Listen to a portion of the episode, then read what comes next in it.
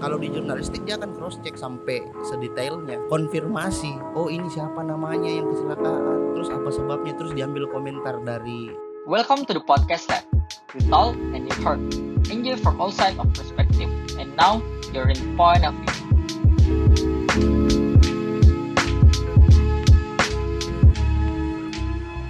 This is Emir Lawata, welcome to the podcast lab.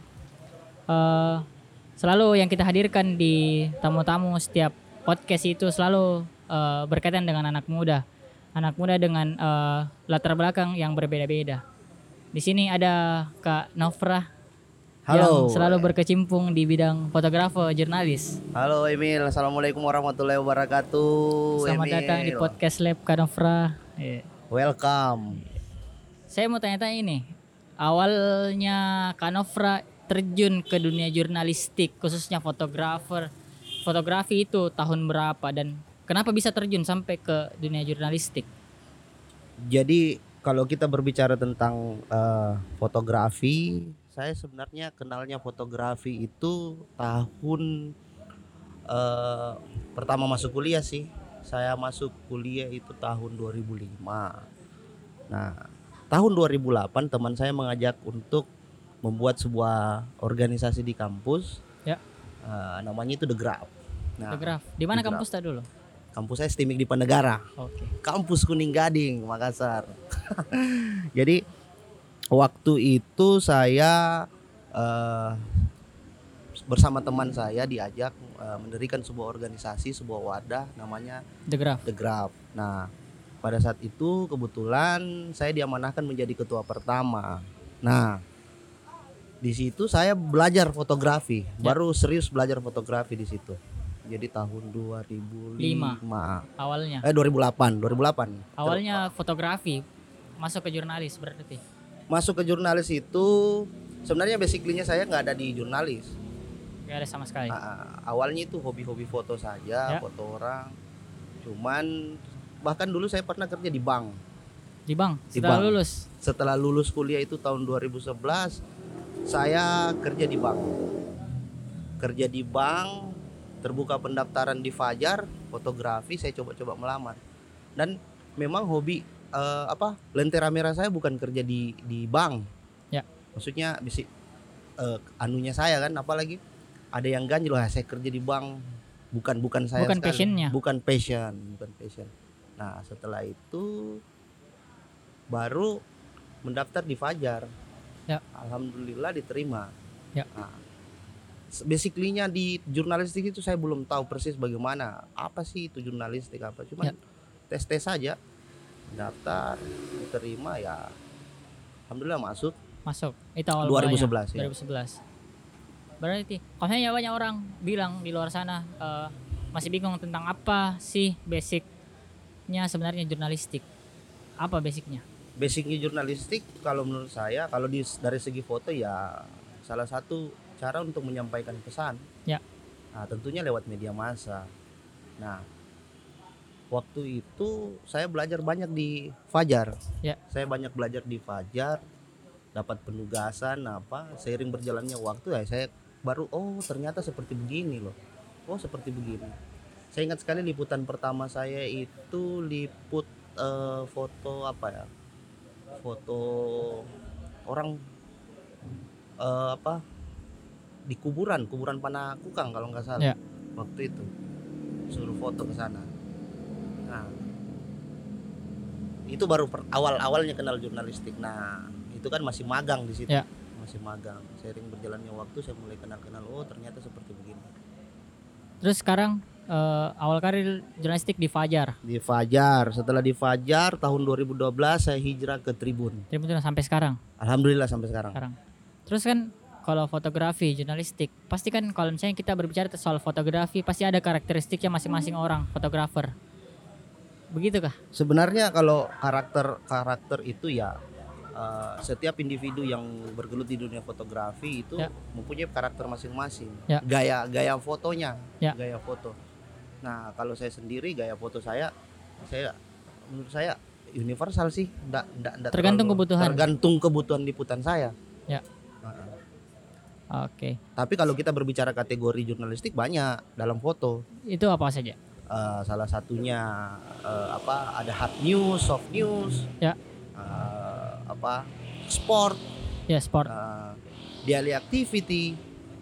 Oke. Ah, ah. Jadi kalau saya kebanyakan penugasan saya sih sebenarnya eh, bebas sembarang, Apa yang ditugaskan? tapi lebih banyak saya foto eh, apa? Foto kota, foto metro istilahnya halaman untuk mengisi halaman metro. Saya pernah ngisi halaman finance, halaman Ya. metro, halaman sport juga alhamdulillah pernah. Ya. Eh, tapi sekarang masih tetap di metro. Sampai sekarang tetap di eh, Ah. Hukum kriminal itu. hukum Pas- kriminal. Pasti dari awal banyak sekali kendala banyak banyak kendala-kendala dalam eh, meliput. Misalnya momen, pasti paling penting momen. Ya, itu bilang. yang paling penting sih momen. Itu Kebanyak- ba- apa kata apa eh, tipsnya supaya siapa tahu ada orang di luar sana yang dengar podcast ini yang mau jadi jurnalistik terus eh adakah tipsnya kalau mau dapat momennya? Sabar gitu. Yang pertama sabar ada faktor laki faktor keberuntungan. Terus isu menggiring isu itu paling penting. Jadi kita harus eh, pintar-pintar eh, apa pintar-pintar memonitor. Ya. ini lagi ini ini apa sih yang lagi faktual? Ya. Ah, contoh yang lagi faktual sekarang kan corona Ya. Ah, ya pasti terkait terkait itu terkait corona dihubungkan dengan contoh fasum fasilitas umum yang sekarang eh, tidak boleh tidak boleh orang pada keramaian di situ. Ya. Nah, sepi kan kayak Losari sepi. Sepi. Nah, lebaran kedua, lebaran pertama itu kan biasanya banyak orang ke sana. Ya. Nah, itu bisa menjadi nilai berita. kalau misalnya kan kemarin hari lebaran itu kalau misalnya fotografer jurnalistik jurnalis itu yang fotografer oh, itu udah libur Eh, yang sebenarnya kalau berbicara libur kita nggak ada libur, yang ada istirahat. oke Ah, ah. karena menjadi seorang fotografer, contoh hari ini saya off nih.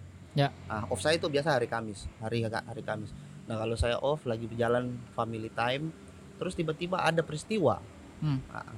jadi insting jurnalistik kita yang kalau dia seorang jurnalistik pasti akan meliput. Makanya saya bilang nggak ada nggak ada istilah libur nggak nggak ada istilah libur, istirahat istirahat, istirahat yang yang ada. Eh, selama ini kebanyakan di dunia kriminal Dunia kriminal ya yang paling viral kemarin saya lihat hasil karya foto tak di koran itu yang anggota DPRD Sulsel yang kedapatan narkoba sebelum dilantik yang kita Ah. ungkap Ki, dari sepatunya Ya. dari Ah. gaya berpakaiannya Ah, ah. itu in- insting jurnalistik eh itu kan infonya sudah eh, merajalela di di apa di sosial media. Ya. Eh, dan kebanyakan kita bermitra sama kepolisian, bermitra sama kepolisian. Jadi pada saat itu momen yang paling itu paling serunya karena eh, Polrestabes pada saat itu merilis. Ya. Jadi otomatis wartawan semua cari tahu siapa orangnya. Iya, cari tahu dan kebetulan pada saat itu semua pewarta foto termasuk saya sudah standby semua di apa di Polrestabes. Jadi pada saat dia turun sampai ke ini sampai ke dalam ke dalam kantor itu eh, ya itu yang difoto. Nah, dikaitkan dengan eh, oh ternyata dia pakai Sepatu sepatu, ini. ini. Ah, dilihat oh eh, seorang dia seorang eh, seorang politik Ya. anak muda juga ah, tapi nggak usah kita sebut namanya intinya kita eh, searching Instagramnya oh ternyata ditahu oh ini. Karena kan waktu dirilis itu dia ditutup ininya kan? Ya betul. Ditutup apa eh, mukanya pakai masker. Kayak gitu. Terus kan dari foto terus diolah menjadi berita. Itu semuanya eh, dilakukan sama jurnalisnya sendiri atau? Iya yang membedakan yang membedakan seorang fotografer jurnalistik dengan eh, seorang fotografer freelance ya itu ya syaratnya kalau di jurnalistik ya harus bisa membuat eh, keterangan foto oke paling tidak bisa membuat berita contohnya seperti apa kalau misalnya eh, Jadi contoh kalau saya foto yang kayak kemarin itu, bi- kebanyakan kan orang kalau eh, melihat foto biasanya mereka melihatnya eh, gambar tuh. Ya. Tapi biasa ada orang kalau ada yang sudah ngerti langsung langsung tersampaikan pesannya. Ah, cuman untuk untuk eh, bagi orang yang tidak mengerti pasti akan dia baca di bawahnya. Oh ini siapa sih? Ini siapa? Terus kejadiannya di mana? Jadi jurnalistik itu kita berbicara eh, 5W1H di mana, kapan, itu wajib jadi setiap berita Wajib itu. Jadi kalau di berita itu 5W1H menjadi rangkuman sebuah berita. Nah, kalau di foto eh, yang melengkapi eh, dari hasil gambar itu. Nah, Berarti itu nama itu dikasih tidak caption. sembarang orang untuk bisa terjun langsung ke fotografi, Hmm, khususnya jurnalistik. Eh, ya. Karena dalam satu gambar harus ada 5W1 hanya. Iya 5W satu hanya. Yang membedakan kan sekarang yang lagi heboh itu citizen reporter. Jadi Ah. Emil pun bisa jadi wartawan, tapi tidak terdaftar di sebuah media massa. Cuman Ah, laporannya aja yang diambil. Cuman laporannya bisa diambil contoh kayak Emil ini eh, apa lagi meliput di jalan ada kecelakaan tiba-tiba langsung Emil eh, foto terus posting di sosial medianya. Nah itu kan bisa menjadi nilai berita yang untuk halayak umum kan. Ya. Tapi untuk terverifikasi apakah betul itu kan itulah yang membedakan kita. Kalau di jurnalistik dia akan cross check sampai sedetailnya, konfirmasi. Oh ini siapa namanya yang kecelakaan? Terus apa sebabnya? Terus diambil komentar dari eh, apa Satlantas mungkin. Nah kayak seperti itu. Nah kalau citizen reporter kan dia jepret langsung posting. Dia tidak mengkonfirmasi. Nah itulah yang membedakan kita. Terus eh, soal eh, kualitas gambar yang ditampilkan mungkin di media cetak khususnya koran itu eh, kualitas gambarnya eh, itu tergantung eh, apa? Ada ukuran-ukuran minimalnya kah? Ada ukuran maksimal? Nah, kalau berbicara tentang itu kualitas ya pasti ada. Kalau dari kualitas dari segi apa dulu? Kalau dari segi hasil hasil jepretan eh, menggunakan handphone pun sekarang sudah bisa. Sekarang sudah bisa. Nggak nggak mesti harus pakai kamera DSLR, nggak harus bagi pasti mesti pakai kamera tertentu.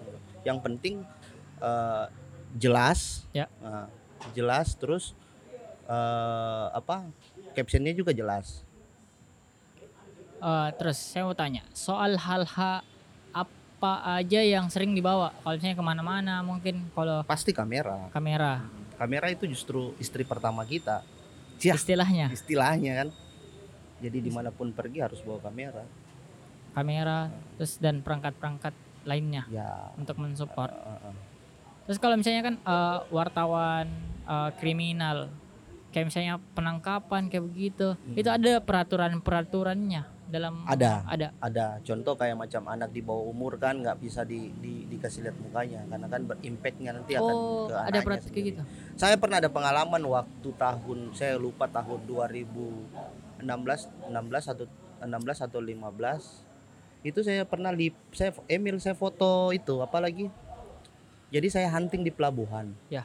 hunting di pelabuhan di di Pelindo sana. Kebetulan saya foto polisi yang lagi terima uang sama apa? Lagi terima uang sama supir. Supir angkutan umum? Eh, saya nggak tahu dia supir angkutan umum. Yang intinya supir ini lagi mengurus mobil baru yang baru keluar dari apa?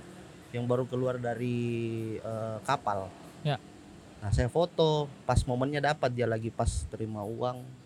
Nah, nah pas pulang di kantor lihat-lihat wah kayaknya menarik ini nah, itulah yang di ini Nah, terus tapi masalah yang timbul setelah itu apa masalah yang timbul adalah saya saya dalam caption saya tidak pernah menyebut bahwa di, itu adalah pung- pungli.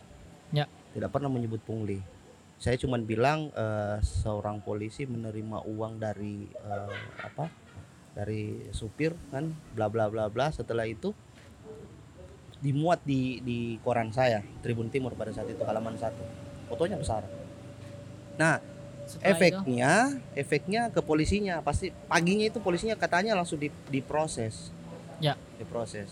Imbas yang paling buruknya adalah ke anaknya. Anaknya pergi sekolah diolok-olokin di di area sama sama temannya.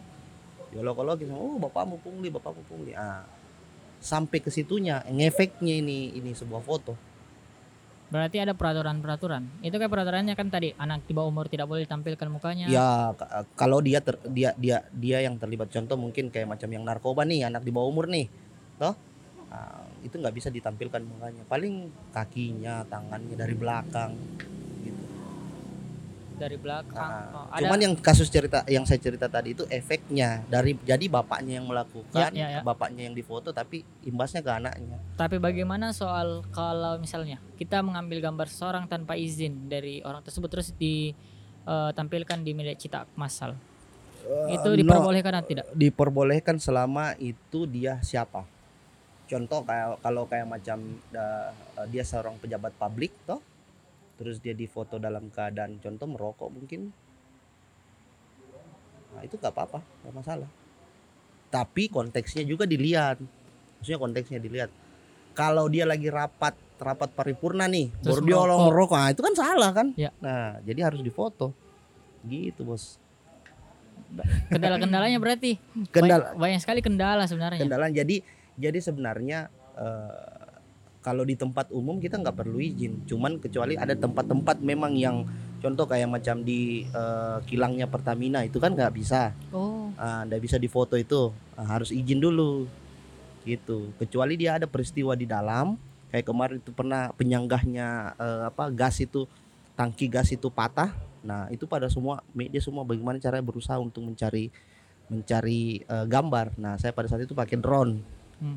pakai drone meskipun sebenarnya itu kan zona zona larangan kan tapi kan kita tahu ada peristiwa di dalam situ. Oh tapi itu tidak apa untuk dilakukan. kalau dari segi jurnalistiknya nggak apa-apa karena ada sebuah peristiwa di dalamnya. Berarti banyak tapi tetap dikonfirmasi tetap Ke dikonfirmasi. Pihak Ya, pihaknya. ke pihaknya. Istilahnya kalau anak-anak foto dulu baru ngomong. Oh gitu. ya, selamatkan dulu gambar baru bicara. Baru baru konfirmasi Karena kalau misalnya konfirmasi dulu bisa saja ya, tidak bisa saja diizinkan. tidak diizinkan contoh kayak macam pernah macet di di di Alauddin kan Ya. di Alauddin itu pernah macet yang menyebabkan kemacetan itu karena eh, ada mobil mobil open open cup tuh muat pasir Ya. dia dia kasih masuk ke dalam rumahnya warga gitu di pinggir jalan Ah. nah tapi dia melintang menghalangi setengah badan jalan Ya. nah difoto Ah. orang yang punya rumah marah Ya. Kenapa difoto ini? Nggak bisa kok foto begitu. Nggak boleh. Kok kau wartawan? Saya bilang iya bu. Nggak bisa kok foto. Kan harus izin saya bilang. Ngapain saya izin ibu? Ibu di tempat umum. Betul. ibu di tempat di tempat umum masa saya harus minta izin sama ibu? Dan kecuali mungkin ini di pekara di di dalam rumahnya ibu ya saya harus izin sama ibu. Tapi kan ini di tempat umum. Tapi setelah itu apa? Tetap marah, tetap protes. ya ibunya. tetap protes tetap marah. Ya seminimalisir mungkin kita tidak menggunakan apa lagi tetap kita apa kita hormati tetap kita ini. Tapi sambil motret saya justru malah semakin dia marah sebenarnya saya makin suka. Karena ada ekspresi ada momen, yang kita dapat. Gitu.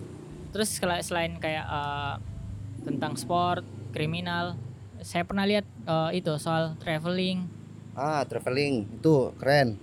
Kalau Itu ke mana-mana saja yang pernah. saya alhamdulillah gara-gara kerja di Tribun saya sudah injak 24 kabupaten kota di Sulawesi Selatan seluruhnya bahkan sampai pulau yang paling terjauh di perbatasan NTT di Selayar itu saya pernah pernah ke sana Itu Ah. biasanya eh, ada bahan yang dibawa dari ada bahan yang dibawa dari apa sebelum kita pergi saya ada ada spot-spot khusus yang harus kita foto atau pas sampai di sana Ya. saya apa yang kita lihat kita yang itu yang kita foto. jadi ada ada beberapa versi jadi tergantung penugasan kantor nih. Kalau penugasan kantornya eh, menugaskan bahwa kok harus liput contoh harus liput eh, apa eh, pulau pulau pulau Lelae nah itu bagian dari penugasan. Tapi ada sebuah program dulu Tribun kerja namanya Tribun Celebes Explore. Ya. jadi kita itu mengeksplor tempat-tempat wisata yang memang belum belum tereksplor. Nah salah satunya itu kemarin Lolai. Ya. ah Lolai Lolai itu kan tahun 2016 saya foto saya lupa bulan berapa bulan 6 kalau nggak salah. Jadi itu tidak ada masuk dalam agenda itu. Dalam agenda liputan tak Tapi ada agenda untuk ke Toraja tapi tidak ke lainnya. tapi tidak ke lainnya tapi kita memang ada agendanya di Toraja nih yang kita eksplor ah, mencarilah di sana mencari mencari mencari. Nah dapat info dari teman. Nah itu juga email jadi jurnalistik itu harus banyak teman. Kalau nggak ada teman kalau kurang teman ah, itu sulit nah itulah. Karena ada teman saya di Toraja sharing-sharing dia bilang iya ada itu di sana bagus. Lokasi anu tempat eh, awan. Kalau kita lihat awan itu wow kayak hamparan awan. Wih di mana itu? Ada itu di Loya diantar nih kita ke sana. Sampai dapat momennya. malam kita ke sana nginap dia bilang ah tidak ada apa-apa ini di sini. Apa kita lihat? Gelap apa? Tuh bilang tunggu pagi. Nah, pas pagi muncul matahari awannya luar biasa. Ya. nah diliput nih diliput. Padahal itu sebuah pekarangan rumah warga gitu. Ada tongkonan ada beberapa tongkonan tuh cuman memang view-nya enak bagus. Ah Terus efeknya dari itu jadi setelah booming. jadi booming. Jadi Semua orang pada booming. mau ke semua orang pada ke sana. Sampai ibunya Jokowi ke sana. Iya ke sana. Nah, itu yang bikin viral kemarin. Terus kalau misalnya uh, uh, tentang acara-acara kenegaraan, misalnya acara 17 Agustus dan lain-lain, itu ada protokoler khususnya atau tidak? Iya pasti ada. Contoh kalau kita liput pagub lagi sementara pimpin upacara kan biasanya kan tergantung eh, job desknya nih kan. Kalau wartawan atau fotografer yang biasa standby di eh, gubernuran nah, pasti meliput di situ. Rata-rata. Kalau kita mau meliput proses eh, pengibaran bendera contoh atau datang presiden yang harus ada protokolernya ya kita harus ikuti itu protokolernya. Bahkan ada disediakan tempat khusus untuk eh, wartawan foto Hmm. nah, di situ Kita tarik waktu dulu. Beberapa tahun lalu ada uh, sebuah bencana, bencana gempa Palu. Ya. Itu wartawan paling pertama yang datang ke sana. Saya ke sana bersama beberapa teman jurnalistik. Eh, saya tidak bisa bilang saya yang pertama karena ada juga teman-teman yang sudah, tapi teman-teman yang dari ini, dari pusat, dari Jakarta. Nah, tapi ada satu tempat eh, menurut saya yang saya ke sana memang belum ada pernah yang petobo itu, itu petobo.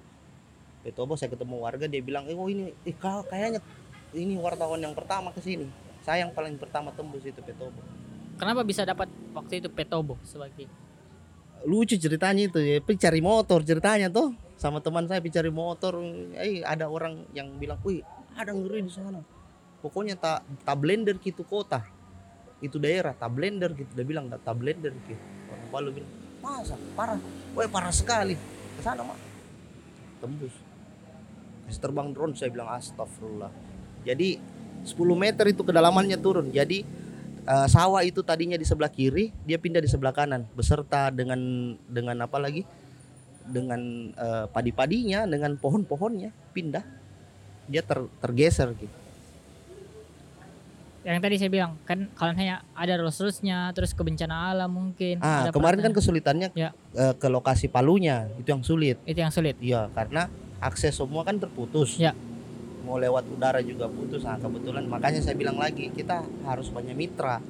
Nah, kebetulan kita bermitra sama TNI juga. Nah, TNI yang bawa kita naik Hercules ke sana bersama dengan dokter, bersama dengan tim medis.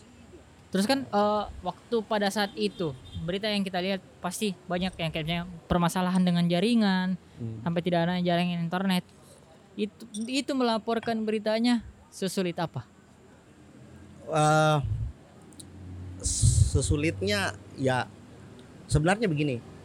Kalau kendala di lapangan itu tergantung kita bagaimana caranya eh, mencari mencari celah, mencari solusi. Ya. Nah, pada saat itu kan memang jaringan putus pada saat itu kan. ya jaringan Nah, putus jaringan putus. Nggak bisa, bahkan eh, keluarga kami juga pun menghubungi agak sulit. Nah, kita harus dekat dengan TNI karena TNI yang punya punya apa lagi? Punya eh, apa perangkat khusus untuk untuk dapat sinyal. Jadi kita di bawahnya semua itu sinyal portable istilahnya kan. Ya. Ada antena-antena portable itu untuk menangkap jaringan. Jadi kita di situ. Nah, di situ baru bisa kita mengirim. Jadi pergi meliput dulu kembali lagi ke situ. pernah alami hal buruk kalau dalam meliput kayak hampir mencelakai dirinya Sering, sering. Saya pernah liputan ISIS hampir dibunuh. liputan ISIS Hmm, di mana eh, bukan sih ISIS. Dulu ada namanya itu salah satu eh, apa lagi? Di di Dayak, di Dayak, di Dayak itu eh, namanya Daulah Islamiyah kemarin. Eh, saya sempat pergi meliput di sana. Ya. Nah, mereka tidak terima. Ya. Mereka tidak terima. Padahal sebenarnya waktu itu tahun 2015 kalau nggak salah 2016 masih zaman-zaman BBM. Ya. Saya bangun saya lihat updatean status teman saya tuh. Oh, ada anu di kebetulan eh, pimpinannya itu menggelar apalagi diskusi dialog dialog tentang kenaikan BBM-nya Jokowi. Ya. Pada saat itu periode pertama. Nah, saya ke sana. Ke sana tiba-tiba semua mata menuju semua sama saya. Wah, kenapa ini? Memang sudah auranya sudah tidak bagus tuh. Tapi sudah terlanjur saya sudah di sana. Saya izin. Nah, izin izin tidak diizinkan. Sudah disuruh pulang. Nah, disuruh pulang tapi eh, apalagi warganya di situ kayak seolah-olah tidak menerima. Ya. Jadi kita digadang-gadang gitu. Pokoknya di ada sudah ada parang, sudah ada benda tajam. Jadi seolah-olah kayak mau di kayak kita mau di ini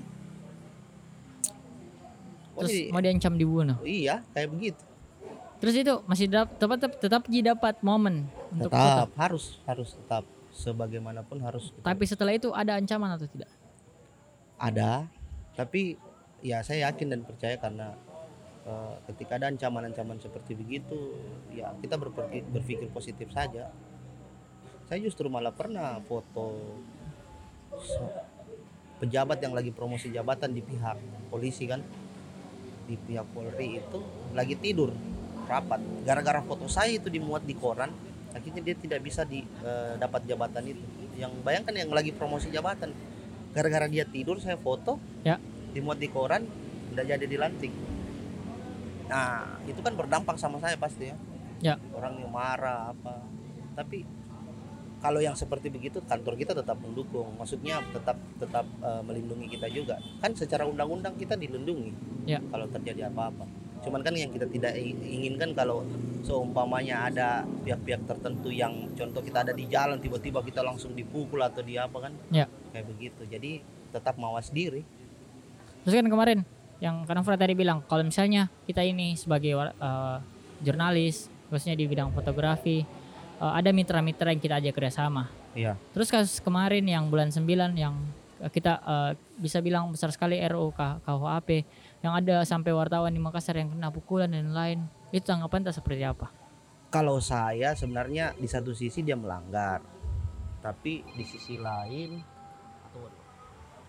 di sisi lain eh, apa perlu dilihat dulu teman saya itu Darwin Ya. teman saya jadi kalau saya konteksnya sebenarnya eh, dilihat dulu persoalannya apa Ya. dia di situ dengan kapasitasnya sebagai apa dia melindungi orang kah atau apakah tapi eh, menurut saya ya kalau konteksnya kita lihat psikologi aparat sudah mulai emosi ya jangan kita ngotot Ya. kalau kita ngotot kan pasti dia ngotot juga kan Ya. pasti dia marah juga Ah, Ya. mending kita lari mending kita menghindar Ya.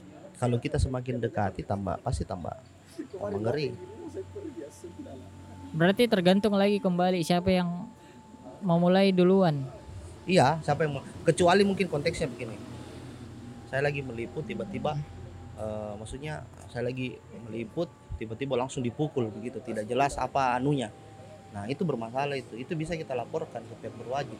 Tapi selama ini sudah banyak kasus seperti itu. Banyak kasus teman saya ada Iqbal pernah berkasus, ada eh, siapa lagi? Eh Asep sampai di di di, di sidang. Ya. Ada ada Darwin. Ya. Antara itu pernah juga. Tapi kalau saya saya lebih lebih saya lebih berprinsip eh, lebih bagus saya mencegah. Kalau psikologinya tentara sudah anu mending saya polisi kah atau aparat sudah mulai emosi mending saya menghindar. Terus kan ke kan ada banyak cara sebenarnya untuk mengambil gambar ya kalau dilarang di titik A ya kita ambil di titik B, B. kalau dilarang juga di situ dilarang semuanya ya semi kita sembunyi sembunyi Ya.